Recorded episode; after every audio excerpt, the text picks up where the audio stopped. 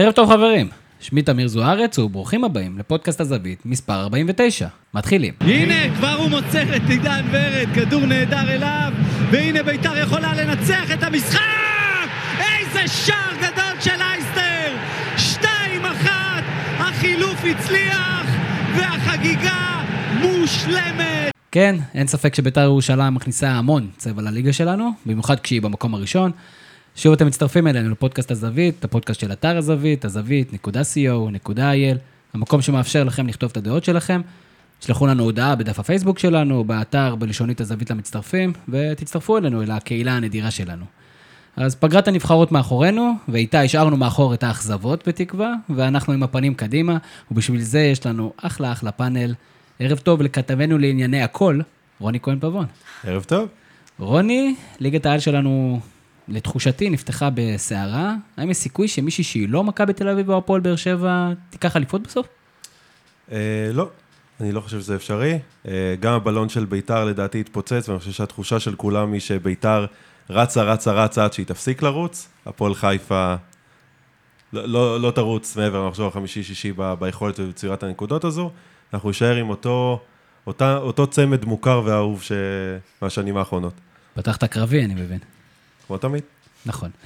אה, חוץ מרוני, שכמובן כיף לנו שאתה איתנו פה בכל מצב, יש לנו את אה, נמרוד קדוש, האנגלופיל והסינולוג שלנו. ערב טוב, נמרוד. ערב טוב, תמיר. נמרוד, ליגת האלופות בפתח, יש התרגשות בכלל לפני שלב בתים, או שזה... במילא הקבוצות הגדולות הן אלה שהתקדמו הלאה. בתור מי שגם אה, מאוד אוהב להמר על ככה מעפילות, ככה בהימורים של החבר'ה, אני יכול להגיד ששלב הבתים לא כל כך מעניין, פשוט כי הרבה מאוד קבוצות מאוד מאוד ברור, מאוד, בהרבה מאוד בתים ברור מי יעלו. זה משמע לא מעניין, אבל אנחנו נדבר כמובן על ליגת האלופות, ננסה בכל זאת להוציא מזה את המיטב, ננסה להבין איזה בתים הם יותר משמעותיים. בנוסף, אנחנו שמחים לארח היום את הבלוגרית היקרה שלנו, אריאל אבני. ערב טוב, אריאל. היי, ערב טוב. אריאל, מכבי תל אביב והפועל באר שבע יפתחו השבוע את המסע האירופאי שלהם. מה הציפיות ממכבי תל אביב והפועל באר שבע לנוכח הבתים שלהם? אה, אני חושבת ששתיהן אה, חייבות, חייבות לשאוף לעבור לפחות עוד שלב אחד, ויכולות גם. יכולות אוקיי. לגמרי. יכולות, אנחנו ננסה קצת לדבר איתם, נדבר על הקבוצות האלה שפתחו את הליגה בצורה קצת מתעתעת. אז יש לנו על הפרק את סיכום המחזור השלישי בליגת העל שלנו, רוני כבר רץ וקפץ ודיבר על הפועל חיפה ובית"ר ירושלים ועל בלונים שאולי יתפוצצו. נראה, אנחנו, כמו שהבטחנו, אמרנו אם מכבי נתניה תמשיך לשחק כדורגל טוב, אנחנו נדבר עליה, אז נדבר על מכבי נתניה, גם כמובן על מכבי תל אביב והפועל באר שבע, ואיך אפשר שלא על מכבי חיפה.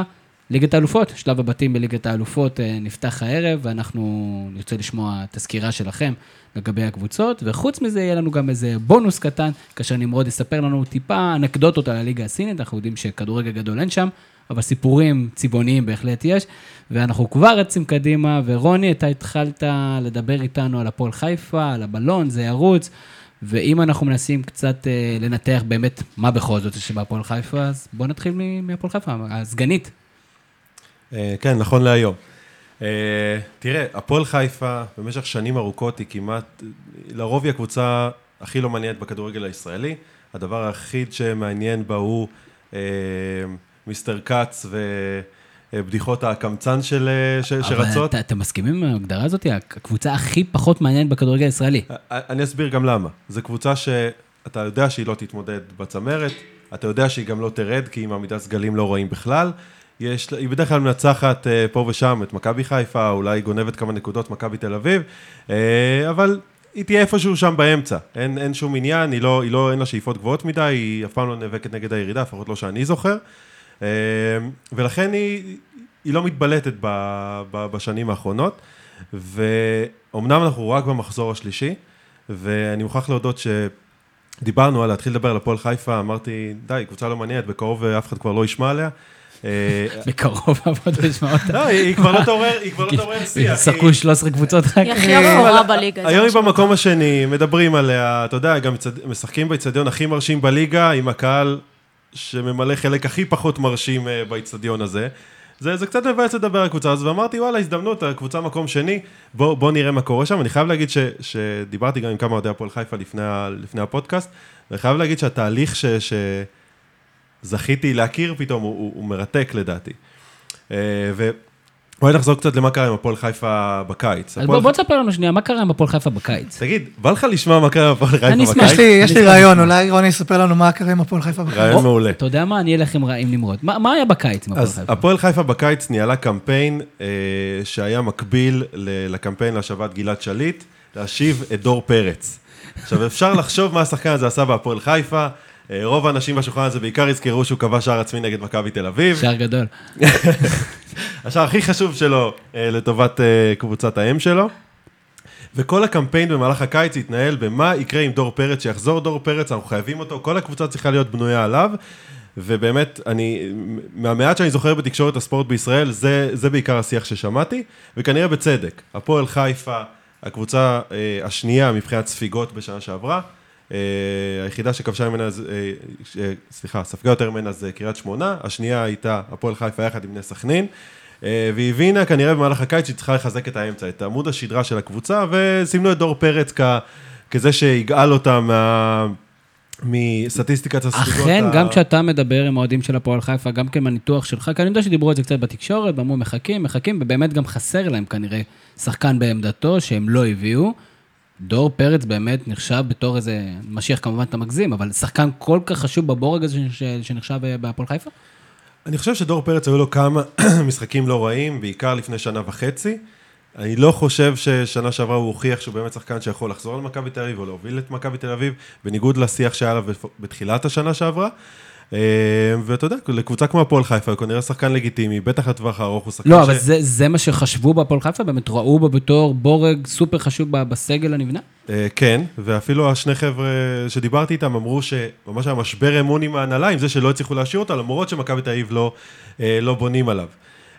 והפועל חיפה באמת התחילה את העונה בצורה נוראית, גם בגביע הטוטו, ובעיקר המחצית הראשונה של המשחק מול אשקלון.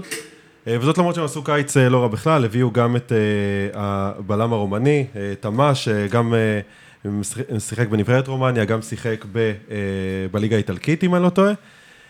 הביאו גם את הבלם מגן השוודי, שאני אנסה לבטא את שמו, רסמוס סיוסטט, שבהתחלה בא כמגן, ואז אמרו לא, דור מלול יהיה מגן, בסוף העבירו אותו לאמצע, וגם המשחקי גביע הטוטו, גם המחצית הראשונה מול אה, אשקלון היו נוראים, כאשר הם שיחקו ב-3-5-2. והשינוי כנראה היה שהפועל חיפה באמת הבינה שהיא לא מסוגלת לשחק בשיטת המשחק הזאת, שכולה נועדה למנוע את הספיגות הללו, לקחו את הבחור השוודי, העבירו אותו לקישור, ומאז הפועל חיפה פשוט רצה. אה, אמנם עד אתמול, הניצחון הזה היה קצת אה, יותר מרשים, אבל אחרי ניצחון על אשקלון בא ניצחון על מכבי פתח תקווה, אה, וגם הניצחון על בני יהודה שראינו שיודעת לעשות צרות אה, לקבוצות ש, שלוחצות אותה, אה, והפועל חיפה לחצה את בני יהודה במשחק האחרון, ראינו שבאמת הפועל חיפה גם משחקת טוב. כנראה שלא טוב כדי להגיע לאיזשהו הישג משמעותי בליגה הזאת, אבל כן טוב כדי להתברג בפלייאוף העליון אחרי כמה שנים, וגם לתת קצת אה, נחת לא- לאוהדים שלה. ואני חושב שיש שלושה ברגים משמעותיים במכונה הזאת שנקראת הפועל חיפה היום.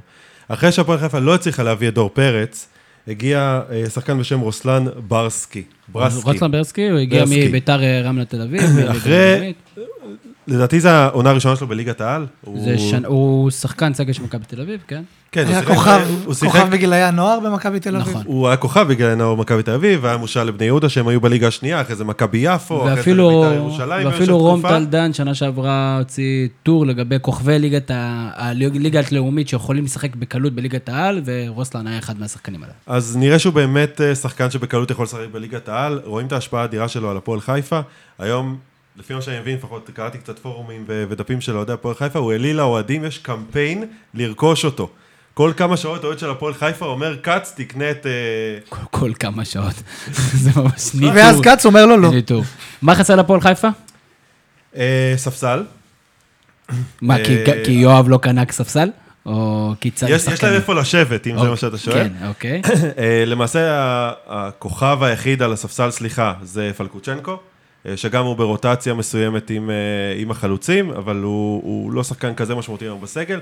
מעבר לזה, יש כל מיני שחקנים שהם פשוט אנדרטה לכישלון של הפועל אה, חיפה בשנים האחרונות, אה, וכנראה שהסגל שלנו מאוד מאוד קצר. אתה רואה גם? החילופים, מי למשל? אה, סרדל, סרדל, כן, לא לירן זוכר סרדל דווקא. שחקן טוב. אני, אני לא, לא יודע עד. כמה בהפועל חיפה הנוכחית, אני חושב שבאמת, אתה משווה את שחקני הספסל, אה, לצורך העניין, נר שכטר, אה, הוא הוא המחליף של עדן בן בסט ושל אה, אלון תורג'מן, עם כל, כמה שאני לא לא מחבב את אה, יכולותיו של אלון תורג'מן. אה, אבל עדיין, אתה רואה פער מאוד משמעותי בין שחקני הספסל ל- אה, ל- להרכב ל-11. הראשון. כן. אה, אבל אם, אם רק יורשה לי נקודה מאוד מאוד חשובה בהפועל חיפה, אמרתי על אה, ברסקי, הדבר השני זה חנן ממן, שהשחקן הזה אחרי סיבוב כושל, אה, גם בהפועל תל אביב, גם בביתר ירושלים, כנראה שאני מבין שהפועל חיפה זה הבית שלו, ואנחנו גם, מהנתונים שהמנהלת פרסמה, אנחנו מבינים גם מה, מה החוסרים של השחקן הזה. הוא השחקן השני בליגה באיומים לשער, אחרי רן לוי שבועט מכל מצב, וחנן ממן דווקא מגיע למצבים יותר טובים, הוא יש לו 15, אה, 15 בעיטות לשער בשלושת המחזורים הראשונים, אפס שערים. מצד שני, הוא השחקן עם הכי הרבה מסירות מפתח בליגה, גם שנה ועם שעברה. שלושה בישולים. גם שנה שעברה. אה, וזה מראה לך גם את היכולות המאוד טובות שלו, לצד אה, החולשות שלו, שזה פשוט הסיומת מול השאר, וכנראה זו הסיבה שהוא לא מגיע לקבוצה גדולה. הדבר השלישי שכן חשוב לי, וסליחה שאני חורג קצת בזמן, קצת. אבל זה התהליך כנראה הכי מעניין אה, שקורה בהפועל חיפה, זה סוף סוף יש חיבור לקהל. אוקיי. עכשיו, וממה אה, זה נובע? יש פעולות מסוימות שיואב כץ עשה בשביל אה, הסיפור הזה? קודם כל, הדובר של הפועל חיפה השנה, ותודה שאתה מרים לי להנחתה, כן. הדובר החדש של הפועל חיפה, שמו איתמר אלי. אה, זה בחור שהיה עד לא מזמן, אם אני לא טועה, בהתנדבות, אבל הוא בטוח היה הדובר של הפועל רובי שפירא חיפה, אוהד של הפועל חיפה במשך שנים ארוכות. היה מאוד מחובר ל... אה, בוא נגיד, הקבוצה החדשה שקמה לאור הנתק עם הקבוצה המקורית, וממש להביא אותו לפועל חיפה זו אמירה. אנחנו רואים שיש חיבור הרבה יותר משמעותי לקבוצה. אה, ראיתי בכמה פורומים, האוהדים מנהלים ממש מעקב אחרי כמה אוהדים הולכים להגיע במשחק הבא, הם קובעים לעצמם יעדים, הקבוצה מסבסדת אוטובוסים. אה, אני שמעתי במשחק האחרון, התחילו לשרוק בוז לסרד... סרדל? סרדל, סרדל, סרדל, סרדל, סליחה, מתנצל. אמ, ואתה רואה את הקהל משתיק אותו, זה תהליכים שלא היית רואה בהפועל חיפה אה, בשנים קודמות. אה, אני חושב שהקהל זה חלק מאוד משמעותי בהפועל חיפה, אתה רואה את החגיגות אחרי משחקים. החיבור לקבוצה הזאת אחרי הרבה הרבה שנים של נתק, עקב כל האירועים בשנים האחרונות, זה משהו מאוד חשוב לקבוצה. ויש להפועל חיפה גם קהל אקטיבי. זאת אומרת, יכול להיות שהכמויות הן לא עצומות, אבל יש להם כן קהל אקטיבי, והתארגנויות יחסית אקטיביות בגדלים שלהם. העובדה שיש לך את הפועל רובי שפירא חיפה מראה לך כמה בדיוק. הקהל הזה הוא אקטיבי. מראה לך כמה החיבור לקבוצה חשוב לו. אני אומר, שלושת האלמנטים הללו, אה, ככל הנראה מה שיכריעו את גורל העונה הזאת של הפועל חיפה. הספסל לדעתי מה שיפיל אותה למרכז הטבלה כמו בשנים קודמות, פלייאוף עליון יעשו? לדעתי כן. אז זאת אומרת שאתה, שהבלון הזה לא יתפוצץ, כי אף אחד לא חושב שם על אליפות. אה, קבוצה שאנחנו צריכים לשאול את עצמנו אם הם חושבת אליפות, למרות שאני לא חושב שהם ינקבו במילה הזאת, נמרוד היא ביתר ירושלים, שאיתה פתחנו את הפודקאסט הזה, וביתר ירושלים, האמת, תענוג לראות אותם. אפילו יותר מתענוג. אנחנו רואים קבוצה שמחה, רעבה, רצה, אה, והדבר שאני אישית הכי אוהב אה, בביתר ירושלים, זה כשהכול רץ, הקהל נכנס לעניינים, הקהל מכניס שם אווירה של טירוף, של התלהבות, מגיע בהמוניו לאצטדיון טדי, ויכול להעיף את הקבוצה עדיין הזו... לא, עדיין לא לטדי, עדיין לא לטדי. אבל אה, משבוע הבא ל- לטדי, אבל כן. נגד הפועל חיפה אגב. הקהל, ואנחנו מכירים את חרב הפיפיות הזאת של הקהל של בית"ר ירושלים, וכרגע כשהכול רץ, ובואו ננסה שנייה לנתח, מה מעניין, חוץ מהעין הטובה של אלי טביב, הקבוצה הזאת היא עדיין עם מאמן, אה, אתה יודע, זמני, מוליכה את הליגה, היה לה כמה משחקים לא פשוטים, מכבי תל אביב ונתניה, גם משחק נגד מכבי פתח תקווה בחוץ, בטח לא משחק פשוט, תשע נקודות, וכמו שאתה אומר, אווירה, אנרגיות של בית"ר ירושלים. אני חושב שאפשר להסתכל על התהליך שנעשה בביתר בשלושת המשחקים ולראות את ההתקדמות ממשחק למשחק כדי להבין מה בדיוק קורה שם. אם במשחק מול מכבי תל אביב, זה משחק שבצורה מסורתית ביתר מצטיינת בו, ביתר מצליחה לתת בו אה, הצגות, משחק גדול זה תמיד מטריף את השחקנים, לא באמת צריך איזשהו, איזושהי הנאה עצמית, הכל קורה סביבך. אה, והמשחק נגד אשדוד, היה שם איזה אדום, היה שם, אה, בוא נגיד, לא מבחן גדול, כי כשאתה משחק מול עשרה שחקנים מדקה שלושים זה היה משהו כזה. משהו כזה, עוד אחרי שאשדוד הובילו 1-0. כן, כן, אחרי שאשדוד הובילו 1-0. Uh, המשחק נגד מכבי פתח תקווה היה משחק שהיה מבחן מאוד מאוד גדול. להגיע, כמובן מבחן אופי אחרי ההרחקה, אבל עוד לפני כן, מכבי פתח תקווה זו קבוצה שבאה להרביץ. זו קבוצה שבאה להקשות עליך את החיים, זו קבוצה שלא נותנת לשחק כדורגל הרבה פעמים, זו השיטה שלה וזה מקובל לחלוטין. אה, ולבוא ולראות את אה, בית"ר ירושלים לוחצת גבוה, אה, לוחצת על כל המגרש, גם כשהיא בעשרה שחקנים, באה לשחק כדורגל ולתקוף, משהו שלא הרבה מאוד היו עושים. הם הוציאו את החלוץ במחצית ועדיין המשיכו לתקוף. ואם יש שחקן אחד שאני ממש תענוג לראות אותו, זה עידן ורד. רק לסבר את האוזן. עידן ורד כרגע כבר עם שער וארבעה בישולים בשלושה משחקים. יש לו ממוצע של שתי מסירות מפתח למשחק, אה, שזה פשוט מדהים, כי איפה השחקן שאנחנו זוכרים אה, ממכבי חיפה ומכל מיני קדנציות אה, לא ברורות, והשחקן היום שהוא באמת מחפש תכלס, רץ קדימה, כל הזמן תופר את האגף, עושה קילומטרים על גבי קילומטרים, חוזר להגנה ועוזר המון המון למגן, אתמול זה היה אריק סאבו, שדרך אגב זו גם הייתה הפתעה אה, מדהימה לראות, את אריק סאבו מתפקד בתור מגן ולא בתור ווינגבק, בתפקיד של, אה, במערך של שלושה בלמים. אה, אז עידן ורד, אמרנו, הוא גם הכיר המערכת, יש לציין. כן. אה, אנחנו מאוד אוהבים את עידן ורד, אבל ללא קשר, אה, עידן ורד... ללא קשר, הנתונים שאמרת, לדעתי אומרים הכל. שער, ארבעה נכון. בישולים, שליטה בקצב המשחק בהרבה פעמים, הוא ממש מעורב, בא מקבל כדור. תמיד הת- התחושה הייתה, אריאל מן הסתם ורוני, אתם יכולים כמובן להצטרף לדיון הזה, תמיד הייתה תחושה שעידן ורד הוא קצת פרווה כזה, קצת אולי אין לו איזה סוואגר כזה, איזה כריזמה כשחקן, והוא מגיע, עושה את העבודה שלו, נותן את המספרים שלו, מאוד מאוד משמעותי במכונה הזאת. האמת שכאוהדת מכבי, עידן ורד זה אחד השחקנים שהכי היה מעניין אותי לראות איך הוא השתלב במשהו קצת יותר אה, בסגנון מכונה כמו מכבי. אחד השחקנים המעניינים בליגה. אני חושב שדווקא עידן ורד, החוזקות, החוזקות שלו דווקא יכולות ל- לבוא לידי ביטוי בביתר, קבוצה שרצה מהר צריכה להיות מאוד תכליתית. עידן ורד בתקופה שלו במכבי חיפה, אגב, הייתה לו עונה מעולה בעונת האליפות, העונה הראשונה שלו אה, במועדון, שהוא באמת הוביל וזה, הוא גם בא ככוכב מביתר, לדעתי הוא נקנה בזה מיליון אירו ב- באותה תקופה, מיליון דולר. מיליון דולר. זה היה הסכום הקבוע, כזה חן מיליון עידן. ורד, כל מה ש... כל פעם שאנקל היה רוצה לשלם לביתר, אבל מיליון דולר. אבל זה דולר של פעם, זה כן. לא דולר של היום. אמ, והוא באמת שחקן מאוד תכליתי במשחקים הללו. גם היו תקופות, אגב, במכבי חיפה, אני זוכר את העונה לפני שנתיים, היה לו איזה חמישה משחקים ברצף שהוא שהוא כבש. כבש, נכון. אה, הוא שחקן עם יכולות, אין ספק. סימן שאלה המרכזי היה אם הוא יכול להוביל קבוצה, ובית"ר ירושלים הוא עונה שכן.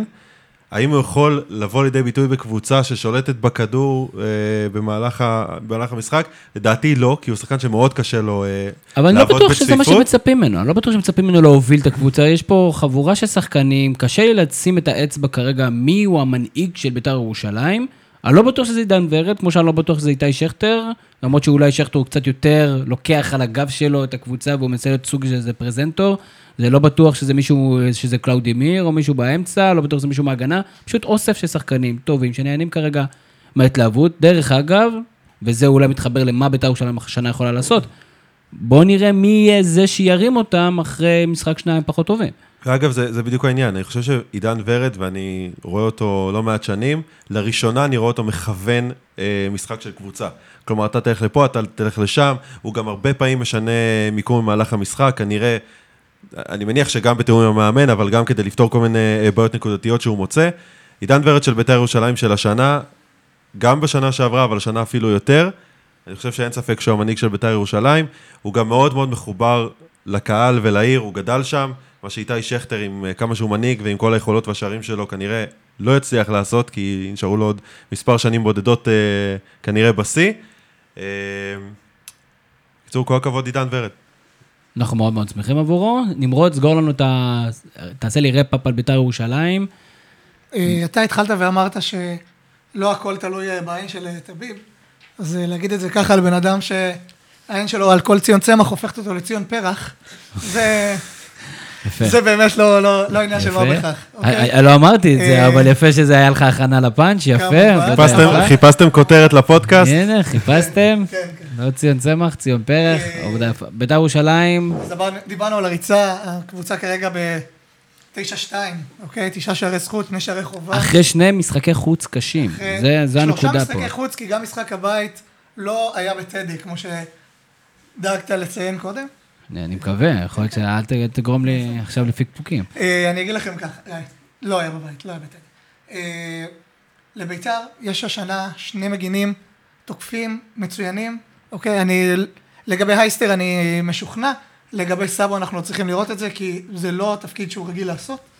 אה, אני יכול להגיד שבליגה שלנו, בעיניי לפחות, שני מגינים תוקפים, אה, זה דבר שהוא משנה מציאות.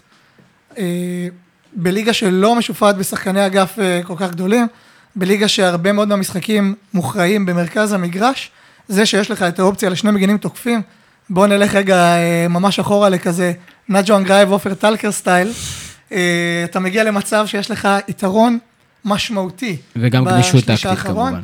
וכמובן, עם קישור חזק אה, כמו שיש לביתר, עם קלטינס וקלאודימיר שמחלצים ים כדורים, ועם ז'ורג'יניו שיודע להוציא את הכדורים קדימה מהר ולחלק אותם לשני האגפים וגם להתקרב, להיכנס בעצמו מקו שני לכיוון הרחבה, יש לביתר המון המון המון כלים התקפיים, לא תלויים רק בחלוץ, כפי שראינו אתמול, שאיתי שכטר לא היה, ורן עדיין אה, נתון הוכחה, הוכיח את עצמו מעט בליגה השנייה, אנחנו עוד לא יודעים איך הוא יס- יסתגל לליגה הראשונה, אבל לביתר יש אחלה של קבוצה, מה חסר לה? מה חסר לה? קצת שקט נפשי אני חושב. אה, עושים שם אה, אוסף יפה של אלים, אלי טביב, אלי אוחנה, אלי כהן. כן. עוד שנייה יביאו, לא יודע, אלי אוננה, איך קראו לו, ממכבי יפו. אוספים שם פשוט, שלושת האלים. שלושת האלים. אה, מה שבטוח זה יתפוצץ, הם יצטרכו את אליאנה. רגע, אז בואו נקווה עבורם שלא יביאו, לא ינחיתו להם פתאום איזה רכש של צ'צ'נים, ואז יכול להיות שזה באמת יסתיים יפה. אבל בית"ר ירושלים בינתיים מאוד מלהיבה אותנו. רוני, יש אני לי יודע שאתה רוצה להגיד משהו? שתי הערות על מה שאמרת. א', ציינת את שני המגנים התוקפים שלהם, שכחת שהמגן התוקף הכי טוב בליגה, היום משחק שם בלם, אה, קונטה. והדבר השני, אמרת שני מגנים תוקפים, כי הגנתית הם לא משהו. סאבו לדעתי אפילו יותר טוב מהייסטר במובנים מסוימים אה, מבחינה הגנתית. אתה לא חושב שזה יהיה בסוף בעוכריהם? בטח במשחקים שהלחץ הגבוה הזה, או הם יצטרכו איכשהו יותר ליזום והם יהיו חשופים מאחור? אני מסכים שהם לא כל כך טובים הגנתית. אני לא מסכים עם זה שזה יכול להיות בעוכריהם. זה יכול אולי במשחק או שניים. בליגה שלנו כבר הוכח לא מעט שמגן שיודע לתפקד רק בצד אחד של המגרש, לרוב זה גם בצד ההתקפי, יהיה מספיק לקבוצה שיכולה גם לרוץ לאליפות. נכון, במיוחד קבוצה שחיה על ההתקפה שלה ופחות על ההגנה שלה. אריאל, מכבי נתניה בינתיים, עשה... האמת, היה לה קצת משחקים טיפה אה, מוזרים. אה, כן. הופעה נהדרת נגד הפועל באר שבע, אחרי זה עיבוד נקודות שטותי מול עשרה שחקנים, איזה גול דקה 92 נגד הפועל עכו, ואז אה, תצוגה מאוד מאוד יפה נגד רעננה, ואני אומר לך, בתור אוהד מכבי תל אביב, אני מפחד מיום שני נגד מכבי נתניה. כן, באתי להגיד שאני מדברת בכובע של אוהדת מאוד מודאגת לקראת אה, יום שני, כי מכבי תל אביב גם יבואו אחרי אירופה, אחד המשחקים הכי קשים שהיו העונה. אה, דיברתי בימים האחרונים עם אוהד אה, יקר וותיק של מכבי נתניה, כשהתיישבנו לשיחה הוא אמר לי ארבע מילים, ערן לוי ודיה סבא. זה הקהל של נתניה בטירוף מוחלט על השניים האלה. הם, הם קבוצה מאומנת. הם קבוצה מאומנת, יש להם לדעתי יתרון עצום בעמדת המאמן. יש שם את הציוות של אה, דראפיץ' ושי ברדה. הם, הם נראים מצוין, אה, משחק לחץ מדהים, שלהפתעתי גם, אתה יודע, לא מתפוגג אחרי 2-3 דקות, מחזיקים לאורך זמן. למרות שיש לה בקבוצה את ערן לוי ודיה סבא. לאו דווקא השחקנים הכי... ערן לוי מחלק שם כדורים על אה, 50 מטר, דברים אה, אבל מטורפים. תמיד היה לו את זה, נכון? אגב, אחרי שלושה מחזורים. ערן לוי הוא השחקן שאיים הכי הרבה על השער בליגת העל. זה לא מפתיע, כמו שאמרנו, בועט בכל. מקום. פשוט בועט מכל... והגול שלו, הראשון נגד הפועל רעננה, פשוט שער מטורף. ראית שער. לא יפה שלו פעם? אני... פנדל. גם הפנדלים. שלו בדרך כלל הולכים הולכים אני טוב. חייב להגיד שכמו שדיברנו על עידן ורד שהתבגר ומוביל קבוצה, אה, בתור אה, אוהד מכבי חיפה לראות את ערן לוי היום, זה באמת זה- סוג של פנטזיה. כאילו, שחקן שהתבגר, מוביל קבוצה, אה, לראות אותו אפילו בראיונות, שאנשים עוד מנסים להתקיל אותו ולדבר, ומדברים על המשקל, ומדברים על כמה הוא הלך וכמה הוא... גם כשהמינהלת ניסתה לעקוץ אותו ואמרה שהיה משחק של שני בישולים, אבל שהוא הלך 60% מהזמן. 86 83 אחוזים 83 מהזמן. הוא מהזמן. אמר היום שהוא יפרוש מכדורגל רק שיפסיקו לבקר אותו. ביום בדיוק. שיפסיקו ביום לפרוש. שיפסיקו לבקר אותו, יפרוש מכדורגל. הלוואי על הרבה מאוד אה, שחקנים בליגה ללכת פורש- 83% מהזמן ולתת כזאת תפוקה. נכון, אבל תמיד הוא האיש המספרים, אני מאמין שגם השנה הוא יהיה, בנקר בליגת, אה, בליגת החלומות שלנו. כן. אבל אריאל, חוץ מרן לוי ודיה סבא, שהם באמת כרגע היהלום שבכתר, יש עוד לא, לא, לא מעט שחקנים מאוד מעניינים שם. כן, אז קודם כל, אה, בזרים, נתניה עשתה עבודה טובה מאוד. שני בלמים בהגנה, הכי חדש, אה, אה, הויבך, אני חושבת, בלם גרמני. אה, הגנה חזקה פיזית מאוד, לא הגנה מהירה. אגב, הם לא מהירים לדעתי, לא בהגנה ולא בהתקפה, אבל הגנה מאוד פיזית, ושני בלמים מנוסים ונראים מצוין ביחד. וגם אמצע מגרש, ב... ועלי עלי מוחמד, ש... אה, ממה שאני שאלתי, אמרו לי שככה לא בטוח שזה שחקן לקבוצות גדולות, אבל הוא יושב בדיוק על הסגנון של נתניה. למה לא קבוצת שחקן קבוצות גדולות? אני דווקא חושב שהוא תפור על מסגרת, על אה. משבצת. הגרזן של לא מעט קבוצות. אני לא אישית, כאוהדת מכבי תל אביב. חושבת שהוא... הייתי מאוד שמחה לשחקן כזה, מאוד. אני חושב שהוא היה מתאים לקבוצות גדולות אם היו קוראים לו מוחמד עלי. לא... נכון, אבל זה ספורט אחר. תודה, רוני. איבדתי את הפאנץ', אז... אה, אה, יש להם גם שם אה, ספסל לא רע, יש להם את ברק בדש בהתקפה. אה, עדן שרם, הבנתי שהוא ככה קצת החוליה הפחות חזקה בהתקפה שלהם. אה, יש להם בקישור את אביב אברהם, שמסתמן כ... סן משחק נהדר נגד הפועל באר שבע. מאוד... אה, ודווקא הוא מביא, להבנתי, כן. מהירות. וגם, יש להם גם קהל נהדר למכבי יש להם נתניה. קהל נהדר, וזה הולך להיות לדעתי היתרון הכי, הכי גדול שלהם, כש... אם וכאשר הם יהיו בסיטואציה של להפיל לפלייאוף עליון, הם הולכים להיות אחת הקבוצות היכולות בקלות להכריע מאבקי אליפות בשלב מאוחר יותר של העונה. זה ההימור שלנו? פלייאוף עליון? אה, אני חושבת שהם יכולים, אבל צריך לתת לזה זמן. הם פתחו, הם פתחו עם הרבה התלהבות, בצדק, אה, עלייה מהלאומית. הם שווים פלייאוף עליון בפוטנציאל, אבל אה, קשה לדעת איך זה יתפתח. יש כמה קבוצות שוות פלייאוף עליון.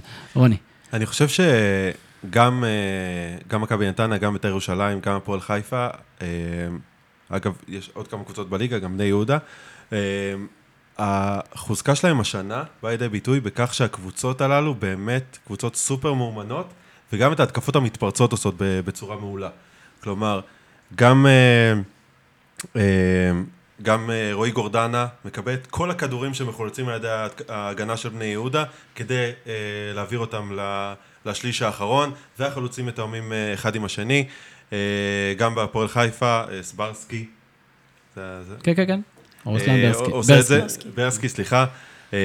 שני השערים נגד מכבי פתח תקווה הגיעו מחטיפה שלו, מסירה לממן, וממן מבשל את השערים. מכבי נתניה אנחנו כמובן ערן לוי ושני הסילונים בצדדים, דיה סבא עושה את זה, הוא עשה את זה במכבי תל אביב כבר לפני שנתיים בשער מדהים. קבוצתי של מכבי נתניה בשלוש שלוש. זה היה הוא? זה לא היה קיודה? לא, לא, לא. זה היה סבא? יהודה וקרלוס גרסיה היו שם. 1-0, זה, זהבי נתן איזה טיל לחיבור, והוא השווה לשלוש שלוש. זוכר את זה כמו אוהד מכבי תל אביב דיה מושפע. סבא?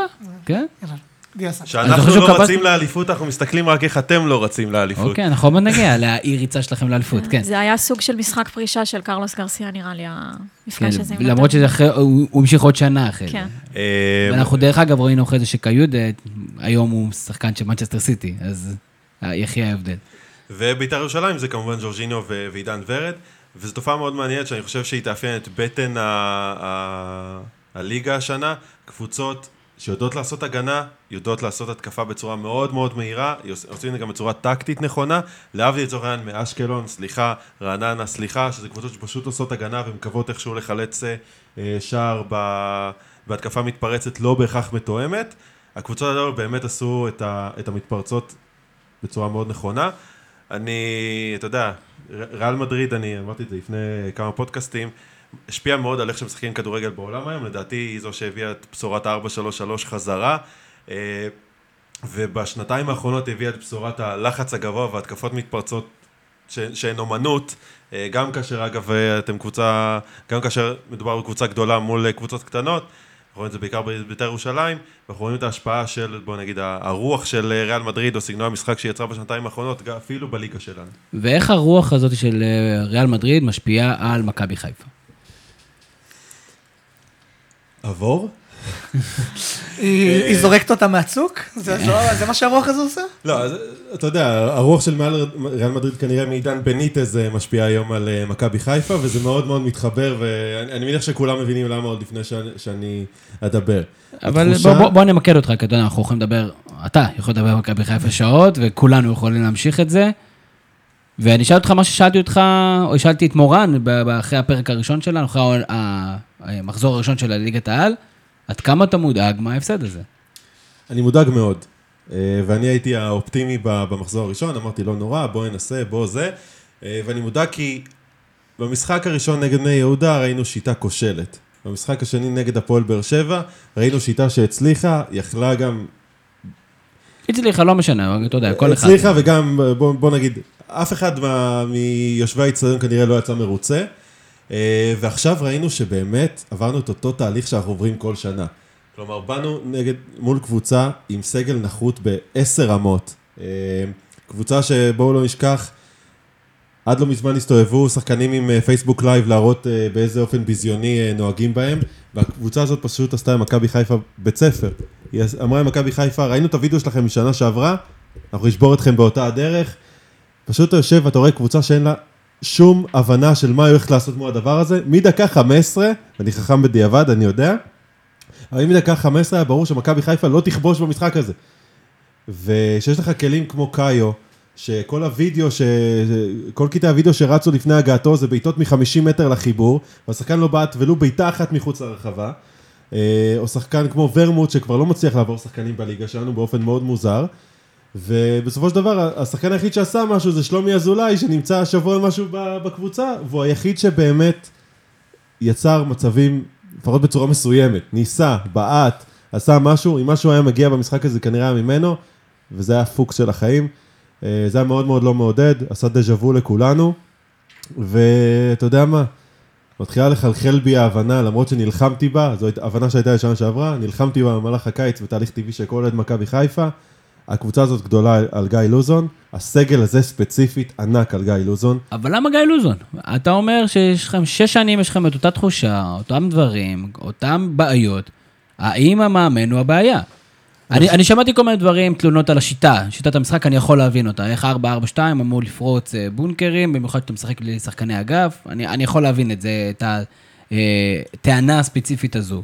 אבל גיא לוזון, ואני בטח לא מהחובבים הגדולים שלו, הוא עוד אחד במסכת של מאמנים שלא מצליחים או לקרוס תחת הלחץ, או לקרוס תחת הסגל העצום, ולחיפה יש סגל עצום יחסית לכמות השחקנים שלה, או לחץ הקהל, ואני מסכים עם הטענות של מי שלא מסוגל להתמודד עם הקהל של מכבי חיפה, לא צריך להיות במכבי חיפה, אבל זה כולם בשש השנים האחרונות.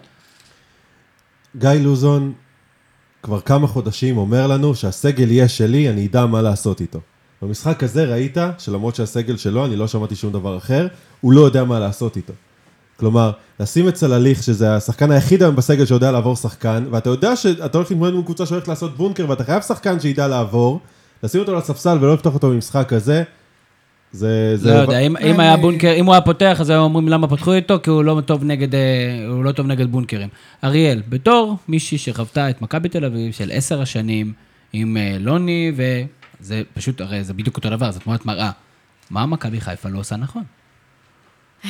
מה היא לא עושה נכון? קודם כל, לא... אם זה ברמה המקצועית, אז אני חושבת שלמכבי חיפה יש הגנה נהדרת, התקפה עוד יותר נהדרת, וקישור שלא יכול להפיק שום דבר מאף אחת מהחוליות האלה. אה, ברמה מחוץ למגרש, אני חושבת ש... אתה יודע, הרבה פעמים זה נשפט כמבט של אה, אוהדת יריבה.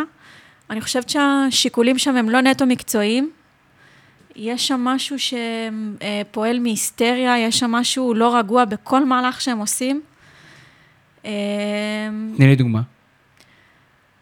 קודם כל, ההודעות דוברות בזמן האחרון זה דבר שבעיניי בוא, בוא, אה, בוא נדבר על זה באמת. יצא מפרופורציה. מגיבים בנפרד לכל דיווח שיוצא. אתה יודע, אני כאוהדת מכבי תל אביב, אבל נראה לי גם כל שאר הקבוצות בליגה, לא מצפים בכלל לקרוא תגובה על דיווח שמתפרסם באתר כזה או אתר אחר. אני חייב להגיד שאני מאוד מרוצה מזה. אה, אני, להיות, בתור זה- מי שנמנה על כל הקבוצות הפייסבוק והפורומים ובלה בלה, אני חושב שאתם אולי כאוהדי מכבי תל אביב, בעיקר היום, לא יכולים להבין כמה רעש עושה כל כתבה כזאת. אבל זה לא עושה יותר רעש? אם מדברים על זה? לא.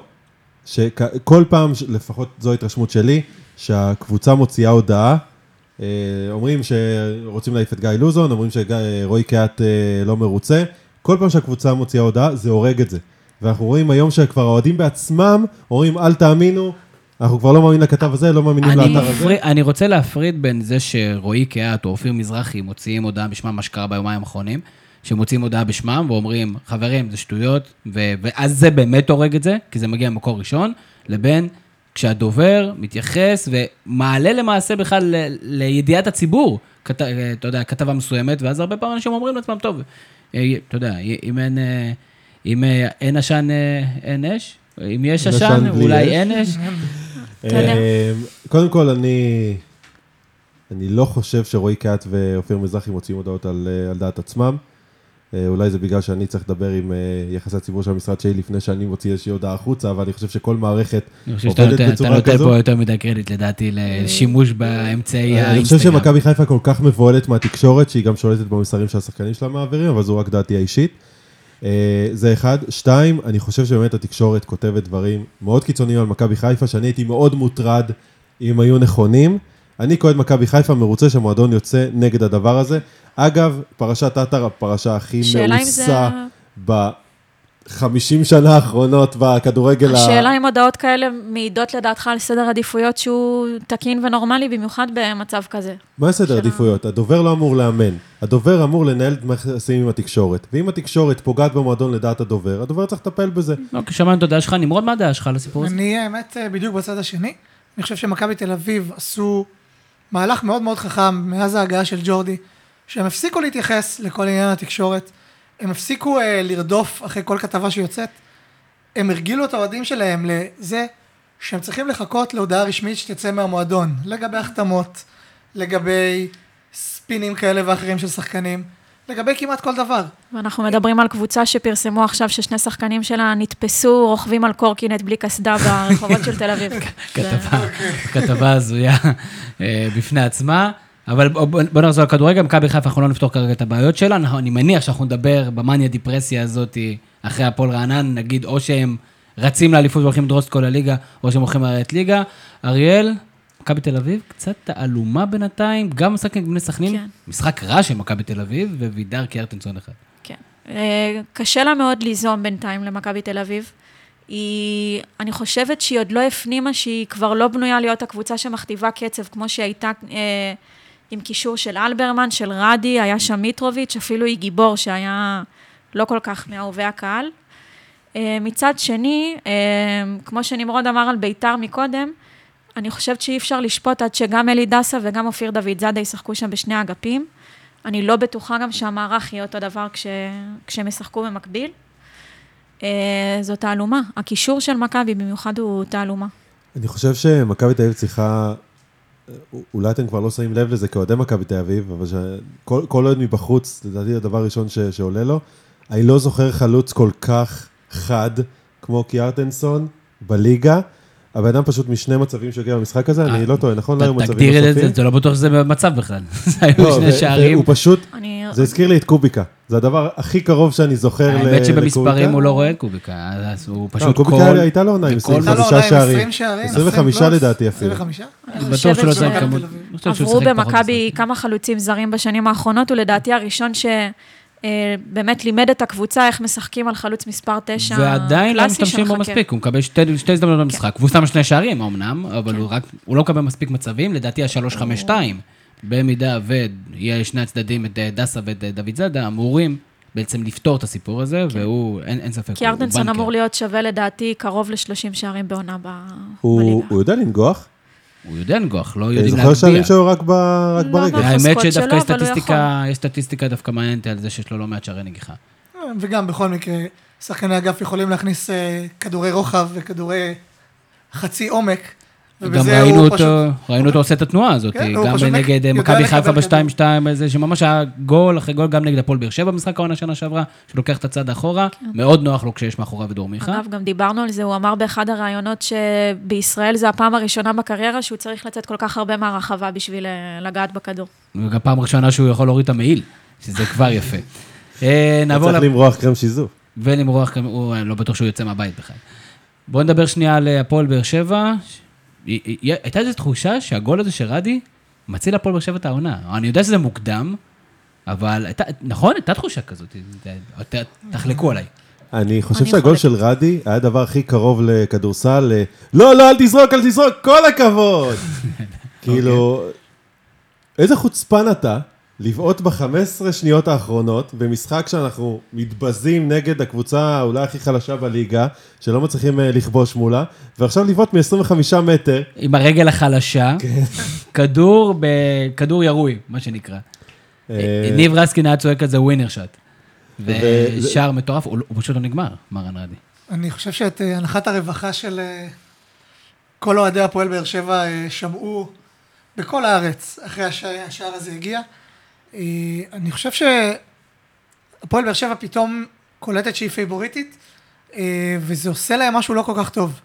יש לי תחושה שהאוהדים שלהם קצת יותר מדי לחוצים, אה, משהו בזה שהם הודחו נגד מריבור בקמפיין של ליגת האלופות, קצת הוציא אוויר מהבלון, קצת גרם לאוהדים להתחיל לחשוש גם מהליגה. אני לא חושב שיש להם כל כך מה לחשוש. אני, אני גם לא באמת- חושב, דרך אגב, התוצאה הזאת, 1-0, די עשה להם עוול. הם שיחקו טוב, בטח במחצית השנייה, הגיעו לאין סוף מצבים שבהם אמרתי, איזה טוב שהעברתי את סרט הקפטן שלי בליגת החלומות מווידר לטוני וואקמה. כדורים לא נכנסו פשוט. טוני בעיניי אף פעם לא היה גולר. אה, זה אולי מה שחסר להפועל באר שבע.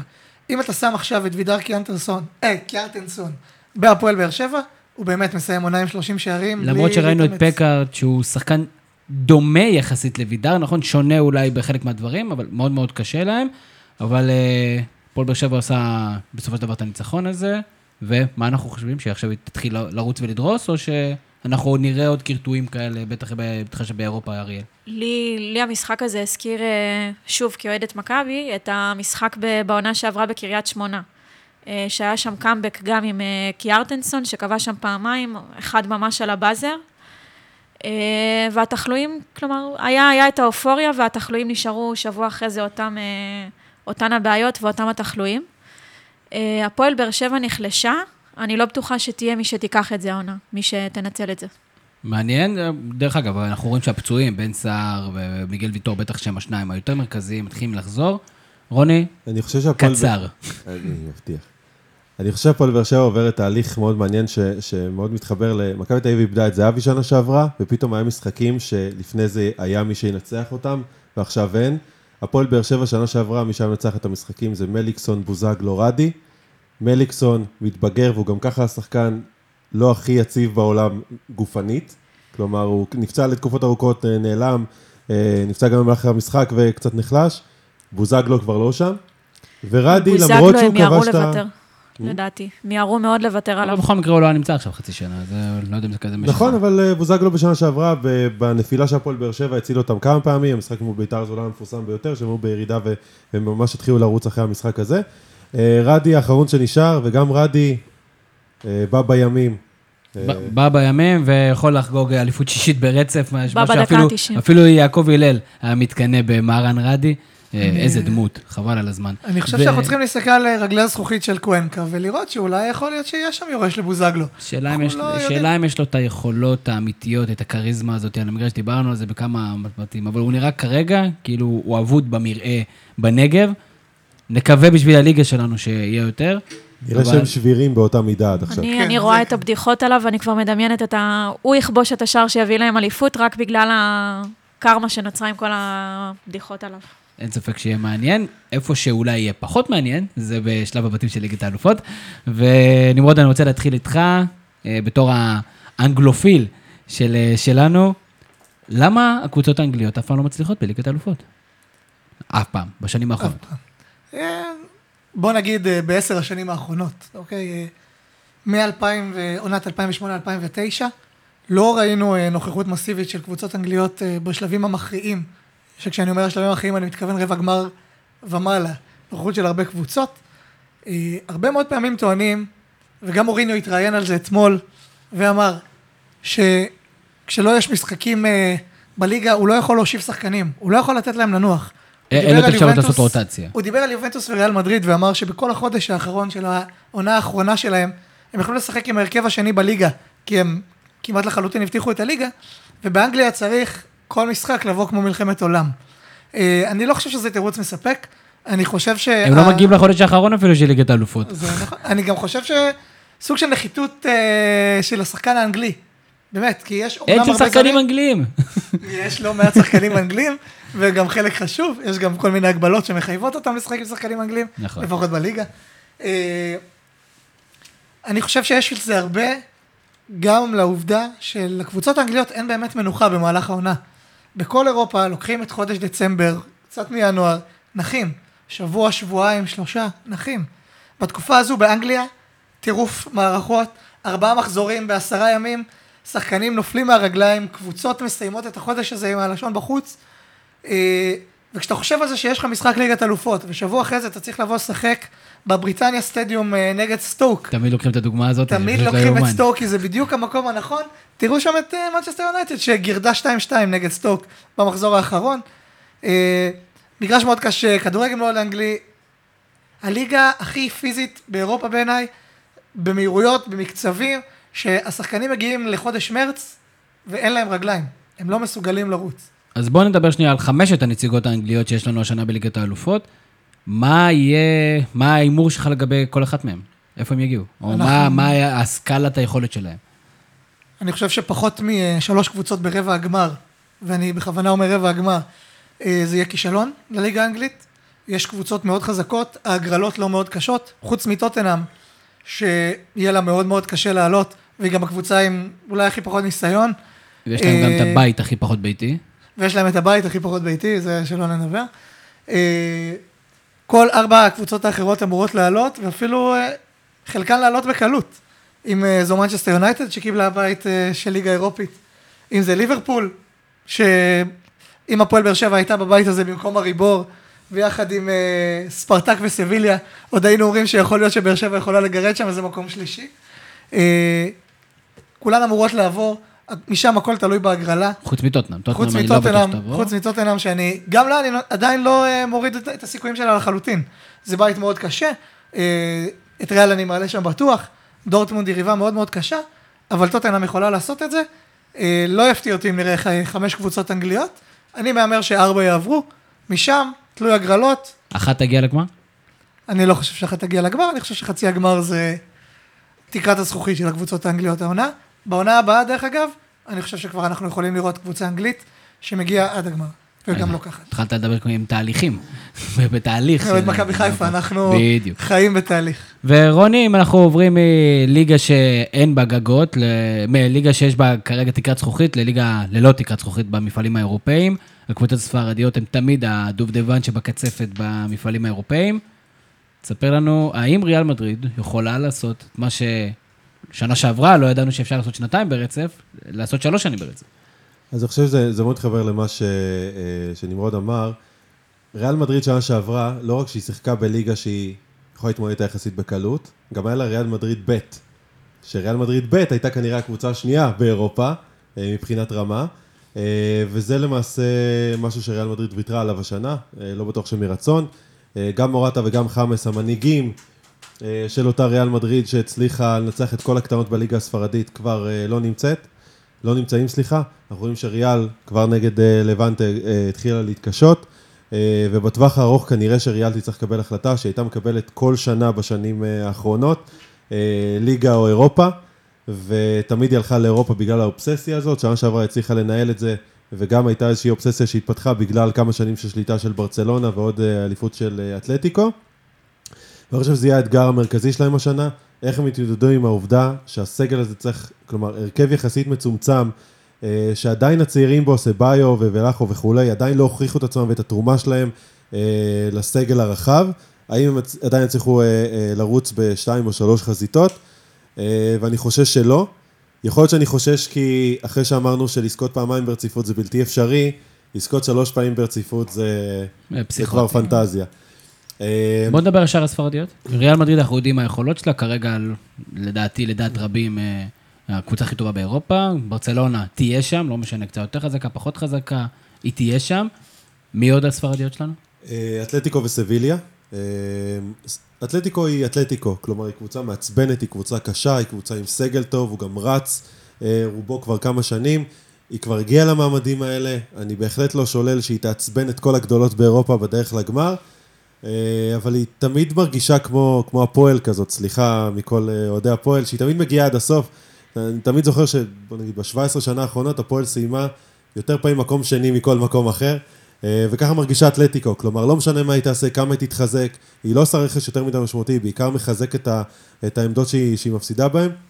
והיא שומרת על אותה רמה, וזה אף פעם לא, לא מספיק עד הסוף. הפתיע אותי איך קרה שם שסימאונה פתאום המציא את עצמו מחדש, כאילו כבר היה רגל וחצי בחוץ, הרגישו כן. שמיצה. בסוף, אה, אני מניח שמאוד קשה לוותר על מקום שאתה מתחבר אליו, גם גריזמן בסופו של דבר נשאר אחרי שכולם אמרו שהוא סגור במנצ'סטר יונייטד. בעיקר בגלל, אה, לפי הסברות, לפי, בגלל שחלון ההעברות אה, האחרון לא היה רלוונטי עבורם, ורק מינואר הם יכולים לה- להתחיל לרכוש מחדש, ולמעשה הוא גילה סוג של איזה נאמנות לקבוצה. שזה. שזה משהו שגם מחבר את uh, סימונה לקבוצה הזאת.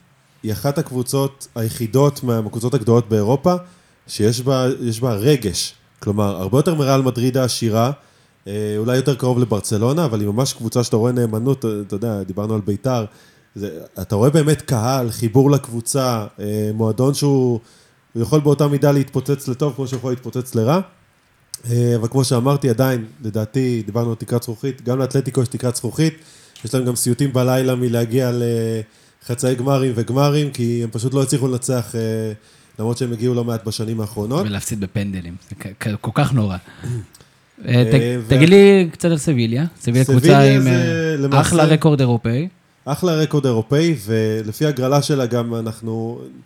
סבילה היחידה שמתקשה, שמתבאסת שהיא לא מקבלת הגרלה קשה, כי אין לה תירוץ לסיים מקום שלישי ואז לזכות בליגה האירופית. אז היא באמת קיבלה בית יחסית קל, חוץ מליברפול, שלדעתי סביליה בימים מסוימים יכולה להיות, יכולה לנצח את ליברפול. אה, ניצחה אותם אה, בגמר לא אה, להגיד- האירופית. גם, בוודאי עם יותר ניסיון בליגת האלופות בשנים האחרונות מליברפול. זה נכון. עם ספרטק אה, ומאריבור שהן שם בשביל להיאבק על המקום השלישי, שספרטק לדעתי תיקח, אבל סביליה התהליך המעניין ביותר אצלה כנראה בשנה האחרונה, זה שנה ראשונה בלי אבא. מונצ'י עבר לרומא, ולמרות שהאדם שהוביל את אה, תהליכי הרשת בקב- אה, בקבוצה הזאת בשנים האחרונות הלך, היא אחת הקבוצות הפעילות באירופה בחלון העברות, שלושה שחקנים שחזרו מהשלב ועוד עשרה שחקנים חדשים שהגיעו. אה, נוליטו חזר ממנצ'סטר סיטי, ובינתיים אה, הוא לא רע בכלל. אה, ולמרות שסביליה התקשתה מאוד בהפלה לליגת האלופות, הם אה, אה, ניצחו את הקבוצה באיסטנבול בחוץ והוציאו 2-2 בבית, אה, ולמרות פתיחת העונה די צולעת שלהם, הם עם אה, שבע נקודות, אבל אה, רק חמישה שערים, והם משחקים לא, לא הכי טובים למעט המשחק האחרון מול אלבר. אני כן חושב שסביליה תעבור את הבית הזה, אולי תעבור עוד שלב, אבל uh, היא תעוף uh, ישר ב- ברבע הגמר. בסופו של דבר יש מקום רק לשלוש ספרדיות ב- בחצי הגמר. ושוב האלופה שלנו תהיה ספרדית? אני דווקא חושב שיונייטד תיקח השנה. כנראה שאני ממש חי בסרט, וזה גם ממש מה שאני רוצה. Uh, ובגלל שהאופציה השנייה, האופציה הראשונה שלי זה ריאל מדריד, אני לא מאמין שהיא תיקח שנה שלישית ברציפות. אני חושב שיונייטד כלו בול עם כל רכש שלהם השנה. אה, דיברנו לא מעט על אה, מנצ'סטר כן, ו- ולדעתי. מוריניו הוא מאמן טורנירים מהמובילים באירופה, אה, ומתישהו יגלה שהוא לא יכול לקחת אליפות באנגליה, כי זה קשה מדי, למרות שבשלבים מסוימים חשבתי שהם יעשו גם את זה. אה, אני חושב שהוא, אם הוא יצטרך לבחור, הוא ילך על ליגת האלופות, הוא הרבה יותר טוב בזה, זו זירה שהוא הרבה מכיר את הקבוצות יותר טוב, הוא יודע איך לשחק על חולשות שלהם יותר טוב, אה, ואני הולך עם יונייטד. אוקיי, באת עם התלהבות. אני נגיד לא הולך על יונייטד, אבל זה בהחלט יכול להיות. אריאל דיבר מקודם נמרוד על כך שהקבוצות האנגליות מזיעות מאוד בליגה, ובגלל זה קשה להם באירופה. קבוצה שלא תזיע בליגה ותוכל לבוא מאוד רעננה לאירופה, היא פריס סן ג'רמן. כן, וזה מדהים שעדיין אני שומעת הימורים כבר כמה ימים, ואף אחד לא סופר אותה כמעט בהקשר של אה, זכייה. אה, אני לא יודעת אם זה בגלל האנטגוניזם שהם יצרו עם כל הענייני הכסף והרכש. אה, לדעתי הם, הם יגיעו יותר רחוק ממה שחושבים. הם שווים חצי גמר לפחות לדעתי, ויהיה מאוד מעניין. את נאמר לא הביאו בשביל חצי גמר. המפגש עם ברצלונה לדעתי זה מהצפויים ביותר ש... שיהיו. אה, אני מבחינת הימור דווקא הולכת עם ברצלונה. לדעתי יתקשו בליגה ויוציאו הרבה עצבים ב- בליגת האלופות. יחגוג או לא יחגוג בקמפנו? מה זה החגוג? אבא שלו כבר מצטלם שם סלפי בדשא. מה לגבי ביירן מינכן? ביירן מינכן אה, דנו בזה היום, ב... שיש שם אה, לא מעט בלאגן, אבל קבוצה מאוד מאוד מנוסה, שגם לא ברור לי איך אה, מעט מאוד אנשים סופרים אותה. גם עם מאמן טורנירים, בהנחה והוא יגיע לסוף השנה, גם מאמן טורנירים, כמובן, אה, אצ'לוטי, כן. מאמן טורנירים גדול. לדעתי גם יכולים להגיע רחוק ביירן מינכן. איזה עוד אה, קבוצות מעניינות יש לנו בשלב הבתים, או שזהו, או שכיסינו את כולם? האמת היא שמבחינת הגדולות אה, יש שם משהו שנהיה כבר די צפוי. יש שם בית אחד מעניין שככה, אה, לדעתי פתוח לגמרי, שזה מונקו, פורטו, בשקטש ולייפציג. השאלה, אה, לדעתי הגרמנים יכולים להיות אה, סוג של מונקו חדשה, העונה. אה, קבוצה מאוד מעניינת. בהחלט, גרמנים מאוד מאוד מעניינים, כן לראות. לא, לא הזכרנו את יובנטוס, חברים, אני לא יכול להעביר את הפודקאסט ככה בשקט. בטח שאנחנו, אני כבר ככה כולי מתגרד לקראת המשחק מול ברצלונה. וואה, אה, תן לי. יכול להגיד שההגנה העונה, אני מאוד מקווה שייתנו לרוגני יותר זמן, אה, ואנחנו נראה הגנה חזקה יותר. יכול להגיד שבכל מה שקשור לקישור וההתקפה, יובנטוס התחזקה מאוד, הפיקה לקחים, העמיקה את הסגל, פחות מחצי גמר, ואני לא אשן טוב בלילה. זה גם תלוי בהגרלות, אבל שנה שעברה ברבע הגמר קיבלו ברצלונה ועדיין עברו. אה, אז בוא נגיד, ההימורים אנחנו יודעים, רוני אמר מנצ'סטר יונייטד, אריאל אומרת ברצלונה לדעתי. ברצלונה, נמרוד. אני חושב שריאל מדריד עושים טריפית. אני, קשה. לי, קשה לי תקשיב, להמר זה נגד הימור זידן. קשוח. קשה לי להמר נגד זידן. זה היה הימור קשוח גם בשנה שעברה. אנחנו ראינו איך זה נגמר. אני מהמר שבהנחה ואנצ'לוטי נשאר, ביירן מינכן עושה את זה.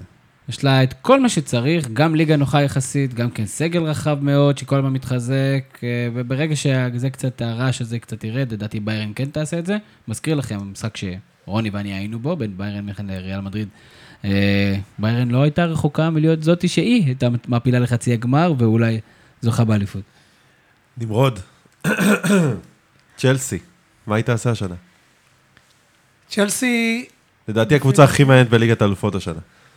היא גם בבית שייתן לנו ככה לראות את היכולות שלה, אה, עם אתלטיקו, עם רומא, וקרבח אגדם, הקבוצה עם השם הכי אנדלובו, מגניב. אנדלובו ומיצ'ל. אנדלובו ומיצ'ל. דרך אגב, אנדלובו הבקיע את השער שהעלה אותם לליגת האלופות. נכון. אה, אני חושב שצ'לסי עם קונטה אה, תאונת הוכחה בליגת האלופות.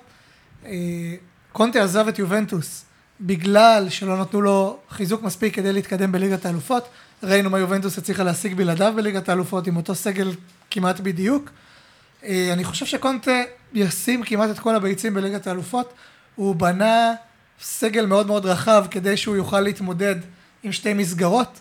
אה, אני עדיין לא חושב שיש להם את האיכות המספיקה להגיע מעבר לרבע הגמר. הוא לא הצטער על זה שדייגו קוסטה היום לא נמצא בסגל שלו?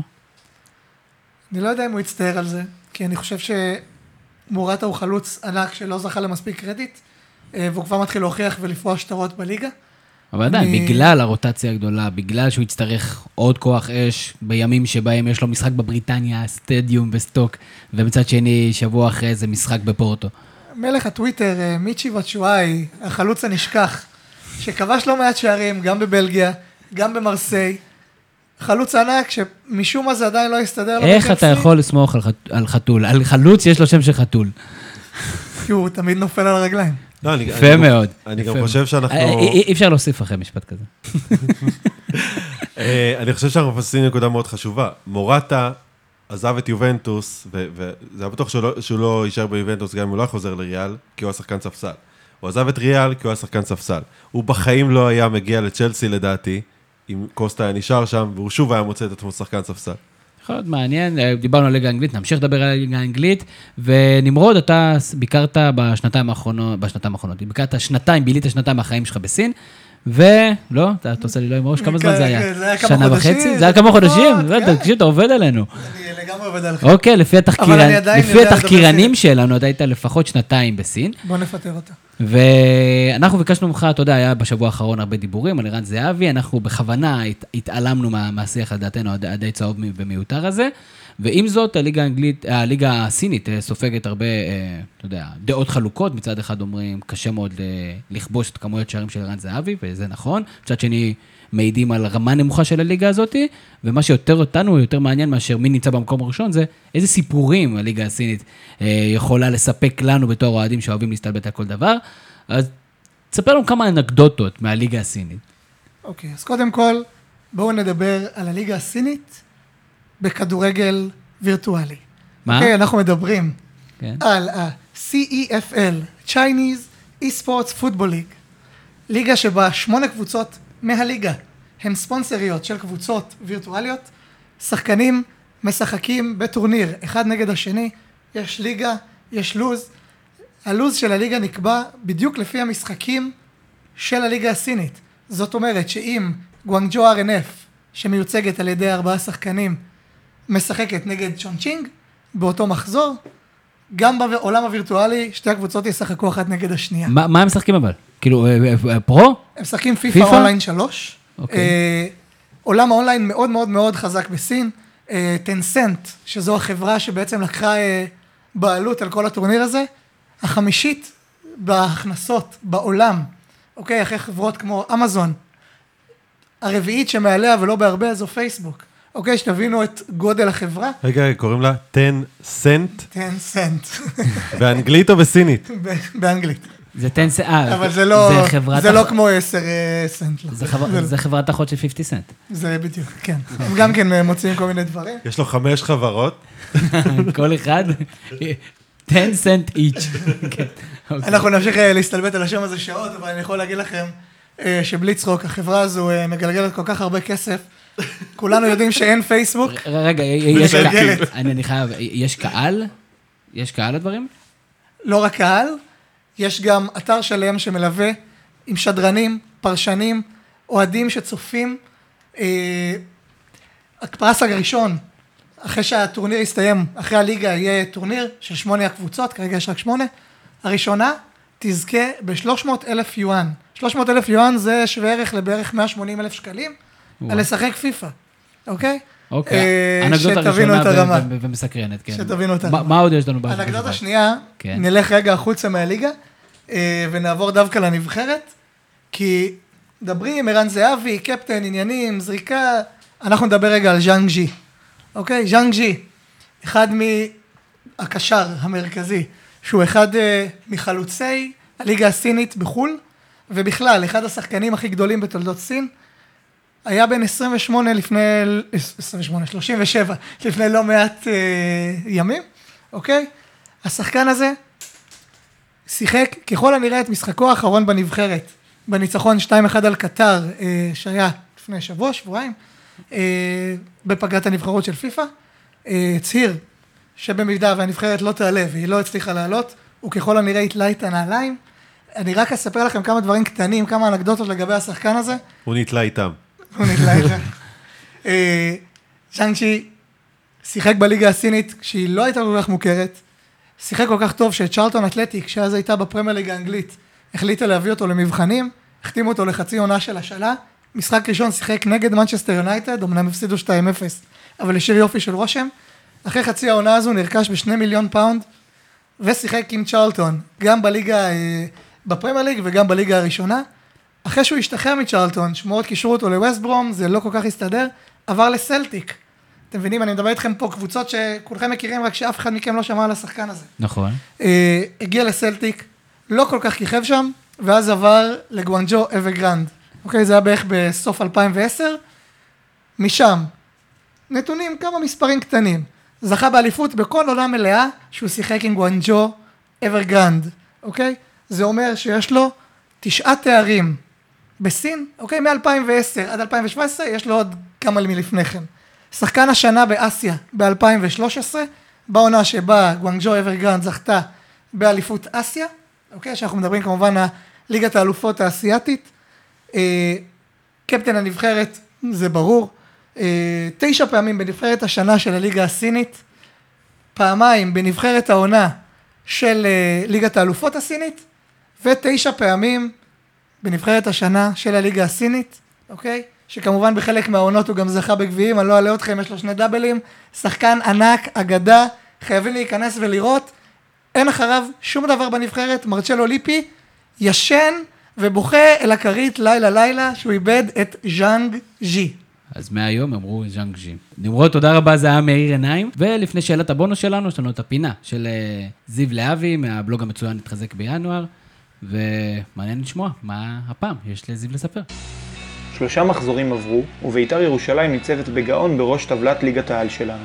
שלושת האלים קיבלו קלוזאפים מחמיאים מאוד ביציע, בעודם מתמוגגים מהניצחון המרשים ומדקות הבכורה של ילד הפלא החדש, פול אדגר. אבל אם לומר את האמת, אחרי דקות פתיחה מצוינות ושער יתרון, המשחק הזה כמעט והלך לפח מבחינת הירושלמים בגלל רגע אחד. בדקה ה-26 קיבל יובל אבידור מסירה מעבר לקו ההגנה, כשמיקי סירושטיין דולק אחריו.